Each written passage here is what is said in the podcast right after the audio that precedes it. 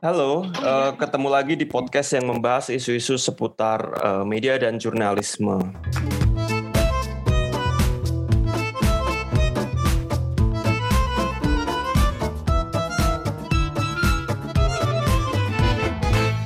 Nah, uh, seperti yang sudah saya uh, sampaikan di uh, episode akhir tahun dan terinspirasi dari uh, Prediction for Journalism 2022 ala uh, Newman Lab ya, saya mewawancarai beberapa orang yang berlatar belakang uh, jurnalis, pekerja media, uh, akademisi dan juga uh, peneliti media kayak gitu. Nah, kepada mereka saya bertanya tentang isu-isu atau uh, tren uh, apa mengenai isu jurnalisme, media dan komunikasi yang kira-kira akan uh, berkembang di tahun 2022 atau uh, tahun-tahun selanjutnya. Nah, uh, untuk episode kali ini saya akan uh, bertanya beberapa hal, terutama tentang bisnis media uh, dan juga sebagai bisnis kepercayaan gitu ya kepada uh, Prima Sulistia, koordinator Departemen Operasional Mojo.co. Uh, halo Prim, apa kabar Prim? Halo Wis, baik. Oke, mantap. Oke, mungkin langsung saja ya, uh, Prim ya. Nah, uh, kan uh, kita tahu ya, beberapa tahun belakangan, mungkin 5-6 tahun belakangan, saat media-media besar mengalami penurunan pendapatan iklan, beberapa media cetak tutup kayak gitu. Nah, media-media baru masuk ke pasar atau industri media ya. Banyak media seperti Tirto, Kumparan, dulu ada Beritagar, termasuk juga Eh, media-media seperti Mojok kayak gitu, meskipun uh, tidak bersaing atau berhadapan dengan media uh, lawas seperti uh, Kompas, Tempo kayak gitu, tapi fakta bahwa Mojok punya banyak pembaca yang beragam uh, menunjukkan adanya keterlibatan atau kedekatan dengan pembacanya. Nah ini yang nanti akan saya tanyakan ke Prima. Nah pertanyaan pertamaku Prim, uh, jika melihat pandemi yang sudah menginjak dua tahun ya, tahun depan berarti tahun ketiga, apakah sebenarnya ada perubahan karakter uh, konten di mojok.co yang berpengaruh ke perubahan karakter pembacanya atau justru sama saja kayak Oke, okay. uh, eh, di kami yang jelas adalah konten politik itu sekarang kurang disukai. Itu terjadi sejak 2020. Jadi itu sempat bikin mojok uh, butuh waktu penyesuaian diri karena sebelumnya kan kami sebenarnya kanal opini yang banyak membahas isu politik ya. Nah akhirnya kami harus shifting gitu dan salah satu praktik untuk apa uh, mencari apa ya menyesuaikan diri itu tadi itu dengan kami uh, mulai berkonsentrasi lagi sama konten liputan gitu. Jadi cari cerita uh, original reportase gitu.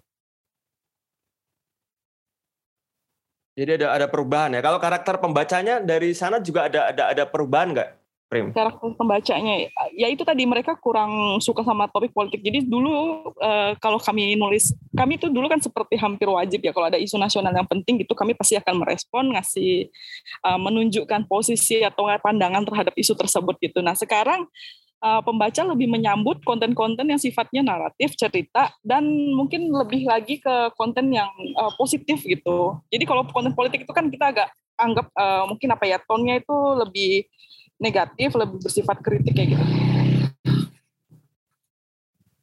Oke okay, oke, okay. um, menarik ya. Berarti ada ada ada perubahan, ada shifting kayak gitu. Nah, Uh, terus aku coba masuk ke tadi ya yang sempat aku bilang di depan kalau kita bicara bisnis media itu kan bisnis kepercayaan ya. Artinya orang tidak akan membaca informasi di media tertentu kalau dia tidak percaya atau ya tidak tidak percaya dengan media tersebut ya. Nah, menurut pendapatmu ya Prim ya di tahun 2022 atau ke depan kayak gitu, gimana sih sebenarnya cara untuk mempertahankan pembaca di satu sisi sekaligus mencari pembaca baru di sisi lain. Apakah misalnya tadi kalau contoh mojok ada shifting atau seperti apa, Prim? Aha uh, mempertahankan pembaca. Jadi uh, ini ini strategi yang sebenarnya tuh diuntungkan dengan bentuk mojok sebagai media kecil ya. Krunya cuma 22 orang itu sangat jomplang kalau dibandingkan dengan media yang Kawisnu sebut tadi ya, Tempo, Kompas, Detik kayak gitu. Uh, kami tuh mendapati ternyata sebenarnya uh, artikel-artikel yang sering dibuat oleh media besar, terutama untuk mencari pembaca, kayak listicle, kemudian artikel tips, uh, artikel how to gitu, itu sebenarnya bisa konsepnya itu bisa kami tiru, tapi dieksekusi dengan cara yang berbeda dan uh, kemasannya dibikin lebih reliable gitu. Jadi misalnya uh, kami ngomongin soal apa ya tips uh, berbisnis gitu, tips memulai bisnis baru. Kan pandemi ini kan banyak orang yang kemudian mulai berwirausaha gitu. Nah itu uh, mungkin kalau praktik di media lain uh, dia akan ditulis sebagai artikel pendek yang apa ya uh, mungkin tidak menunjukkan uh, letak apa ya diskusinya atau pembahasannya kurang mendalam gitulah. Nah kalau di Mojok itu digarap lebih panjang, spesial lebih panjang. Terus yang nulis kalau bisa emang orang yang udah uh, bergelut di bidang itu gitu, udah bisa dibilang praktisi atau pengamat gitu. Nah itu jadi secara apa ya kalau ngomongin teknis medianya kan uh, secara kata kunci ya perang kata kunci gitu tuh kami masuk ke wilayah itu gitu tapi kami bikin konten yang menurut kami sih kualitasnya lebih baik itu itu membantu sih kayaknya uh, kalau nggak salah ya dari analisis teman-teman yang ngurusin SEO gitu di Mojok um, di dua sejak pandemi ini orang lebih banyak cari artikel yang sifatnya praktis memberi panduan praktis gitu kak tips-tips how to gitu ya. Mm-mm, tapi yang apa ya, yang tipsnya itu uh, bisa dilakukan, kemudian ya bisa dipercaya gitu, nggak salah-salahan gitu. Disesuaikan sama kondisi di Indonesia atau di wilayah tertentu gitu lah. Hmm, hmm, oke oke oke, oke menarik. Nah, uh, artinya berarti uh, apa namanya uh, cara seperti yang di lakukan mojok itu sebenarnya misalnya ya dengan uh, melihat artik apa memproduksi artik artikel-artikel uh, tips how to kayak gitu dengan karakteristik yang lebih panjang sebenarnya itu apakah strategi yang sudah teruji gitu maksudnya sustainable gitu dan mungkin bisa ditiru oleh media-media lain seperti yang yang tentu punya karakteristik seperti mojok gitu ya atau sebenarnya sifatnya ini juga masih uh, eksperimen ya, yang maksudnya berarti sejauh ini mungkin untuk Mojok sudah stabil, tapi mungkin ke depan bisa berubah gitu, menurut mungkin. Saat ini sudah teruji, tapi terujinya ini kayaknya baru sekitar setengah tahun gitu. Dan, dan uh, apa ya, kan sekarang uh, platform diseminasi itu kan bertumpunya sama media sosial dan uh, mesin pencari. Dan mesin pencari ini dominasi kuatnya itu dari Google kan. Sehingga kalau mau dibilang itu udah mapan gitu aku gak berani juga bilang kayak gitu karena kadang kebijakan dari platform itu berubah-ubah dan sebenarnya uh, apa ya arus pembaca kami itu sangat ditentukan oleh kebijakan mereka gitu. Kebijakan algoritma kebijakan mereka untuk menempatkan konten seperti apa sih yang ditaruh di halaman pertama di urutan nomor satu dan seterusnya gitu kak. Tapi saat ini itu works.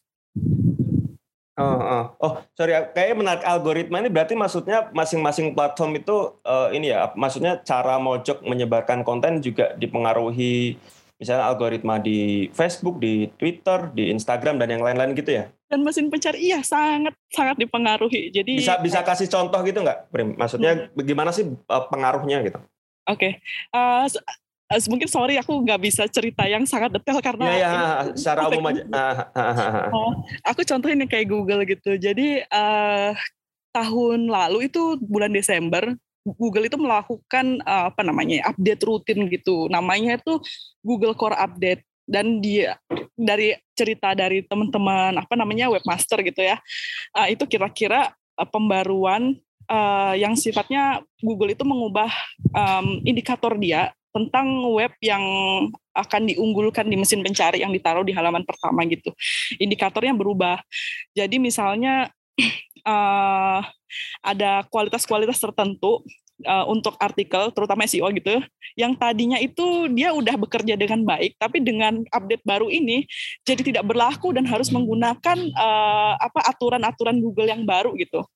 Jadi harus kemudian menyesuaikan diri lagi nih. Oh, oke okay, Google. Jadi selain kami cari tahu ya pembaca itu maunya apa sih gitu. Kami juga harus nyari tahu ini Google kemudian media sosial itu maunya apa. Terus kalau kasusnya media sosial uh, misalnya kayak uh, Facebook gitu.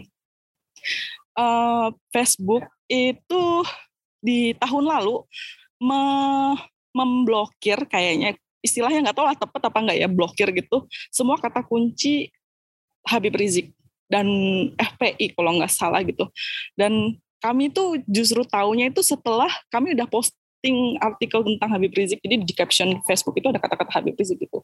Dan itu postingan mojok itu dianggap melanggar ini uh, community guidelines-nya Facebook. Sehingga fanpage-nya mojok itu kena sus uh, bukan suspend apa ya restriksi jadi dibatasi persebaran postingannya gitu kak itu nggak peduli konteks kontennya seperti apa gitu yang yang pasti ada kata kunci itu langsung ini ya semacam sangat iya nggak peduli. hmm. itu yang melakukan mesin. Kami udah komplain ke Facebook yang menjawab juga mesin dan uh, sangat sulit untuk menjangkau dan kemudian apa ya namanya uh, banding gitu terhadap keputusan itu.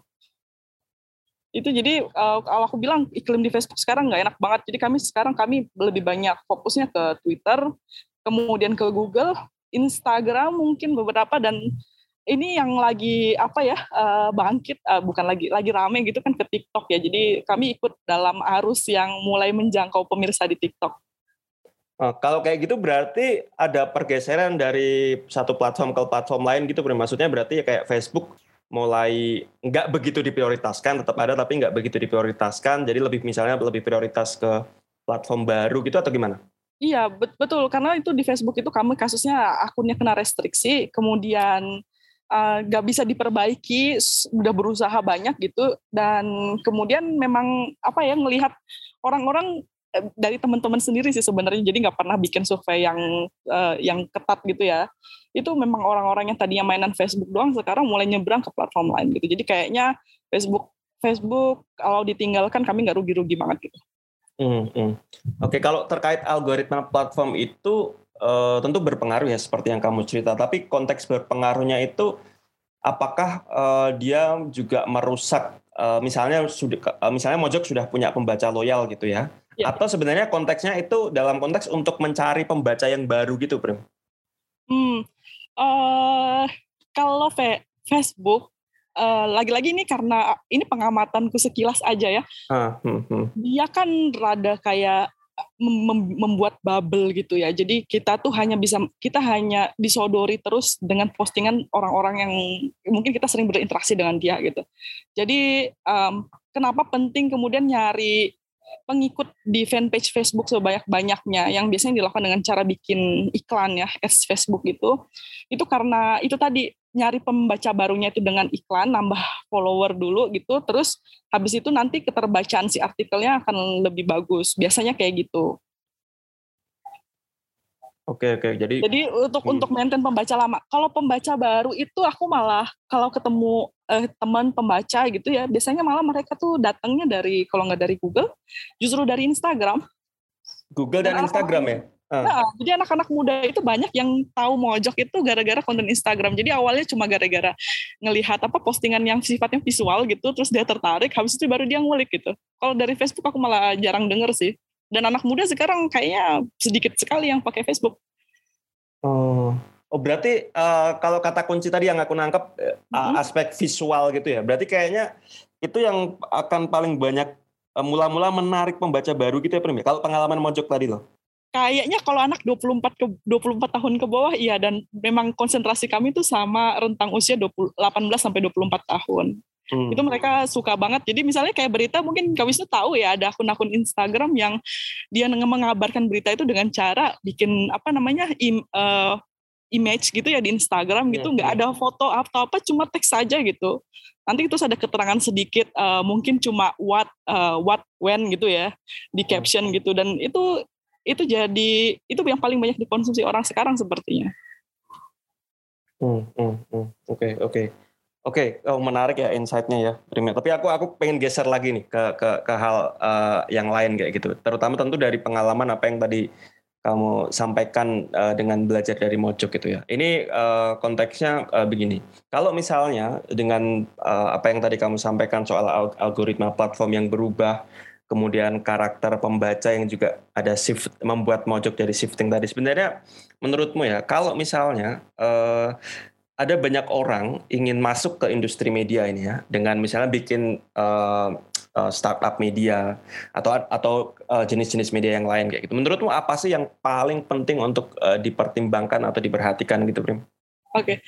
udah tahu uh, model bisnisnya. Jadi cara menghidup menghidupi media itu. Kalau mencari pembaca, mencari apa namanya basis basis penggemar kayak gitu kan itu udah sangat wajib gitu. Tapi memikirkan gimana cara menghidupinya itu yang kadang sering di skip karena mikirnya uh, nunggu dulu lah jalan satu tahun dua tahun gitu baru mikir cara cari uangnya gitu. Dan menurutku itu ke, agak kebalik dan di kasus Mojok itu sempat pernah bikin repot gitu.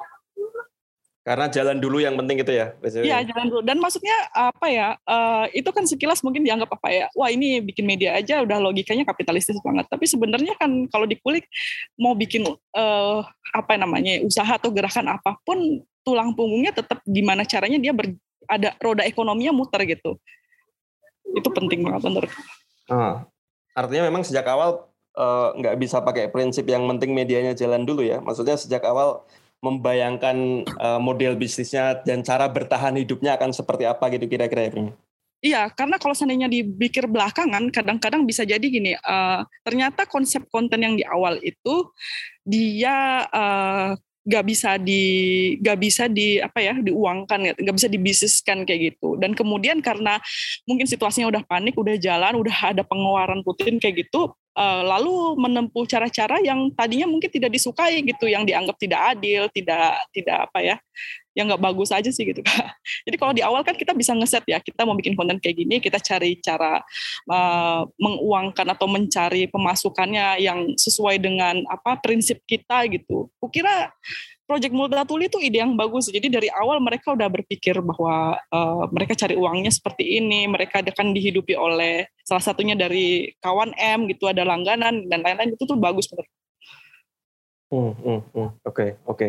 Oke, aku akan uh, pindah ke pertanyaan uh, yang terakhir ya, Prem ya. Ini sebenarnya pertanyaan yang lebih bersifat uh, umum kayak gitu ya. Tapi sebenarnya masih nyambung ke ke apa namanya ke model bisnis juga tadi. Nah, dalam konteks perkembangan media, misalnya seperti uh, seperti Mojok kayak gitu dan juga media-media berbasis startup lainnya kayak gitu. Apa sih menurutmu yang uh, menarik untuk diperhatikan di tahun 2022? Gitu? Misalnya apakah ya tadi, misalnya apakah model bisnisnya, apakah strategi pengembangan konten atau misalnya sekarang belakangan baru rame isu metaverse ya karena uh, Facebook kemarin ganti jadi Meta dan seterusnya atau atau apa Pri menurutmu yang kira-kira bakal jadi uh, tren di 2022 gitu? Oke, tren 2022 itu uh, kayaknya makin besar dorongan untuk berpikir apa ya bikin konten yang basisnya itu visual atau audio visual jadi memang uh, kita akan ngelihat bahwa apa ya uh, kita memikirkan bahwa pembaca masa depan kita ini kan adalah sekarang yang teman-teman generasi Z ya yang sekarang baru masuk kuliah gitu ya. Itu yang akan jadi pembaca masa depan dan memang karakter mereka itu lebih akrab sama uh, itu konten video, video apa audio visual atau visual aja gitu. Jadi uh, kami itu sebenarnya punya problem ya, udah lama gitu merasa nyaman gitu di teks gitu dan kemudian ketika ada pergeseran gitu untuk untuk bisa masuk ke jenis konten baru ini itu agak tertatih-tatih. Tapi ya gimana tetap harus diusahakan gitu. Jadi mungkin nah, kalau di di resume gitu ya kayak ya, mungkin uh, masuk ke apa namanya bisnis media gitu tuh gak pernah mengenal kata yang namanya mapan gitu deh selalu ada perubahan dan perubahan itu bisa sangat cepat gitu.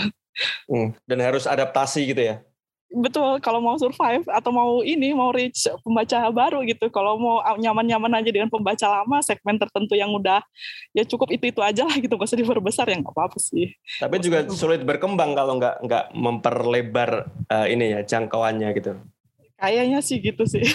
Oke, oke, oke. Kukira begitu, uh, Prim. Terima kasih uh, banyak atas uh, insight-nya ya. Kukira uh, jadi okay, salah satu hal yang yang salah satu hal yang menarik gitu uh, ya. untuk melihat tren dan belajar dari pengalaman Mojok gitu ya, terutama konten-konten yang uh, tadi Mojok uh, kamu bilang Mojok agak tertatih untuk uh, ber pindah dari yang berbasis teks kemudian geser ke visual dan audiovisual kayak gitu. Nah, oke okay, eh, terima kasih sekali sekali lagi Prim semoga sukses buat Mojok di tahun 2022 ya. Amin nah, ya. Oke okay, ya. Oke, okay, saya kira begitu teman-teman. Uh, kalau ada kritik atau saran mengenai episode ini atau ada usul tema atau narasumber yang mesti saya undang, silakan eh, DM atau mention di Instagram atau Twitter saya @wisnu underscore prastya. Kurang lebih begitu dulu. Semoga sehat-sehat selalu dan kita ketemu lagi di episode-episode selanjutnya. Ciao.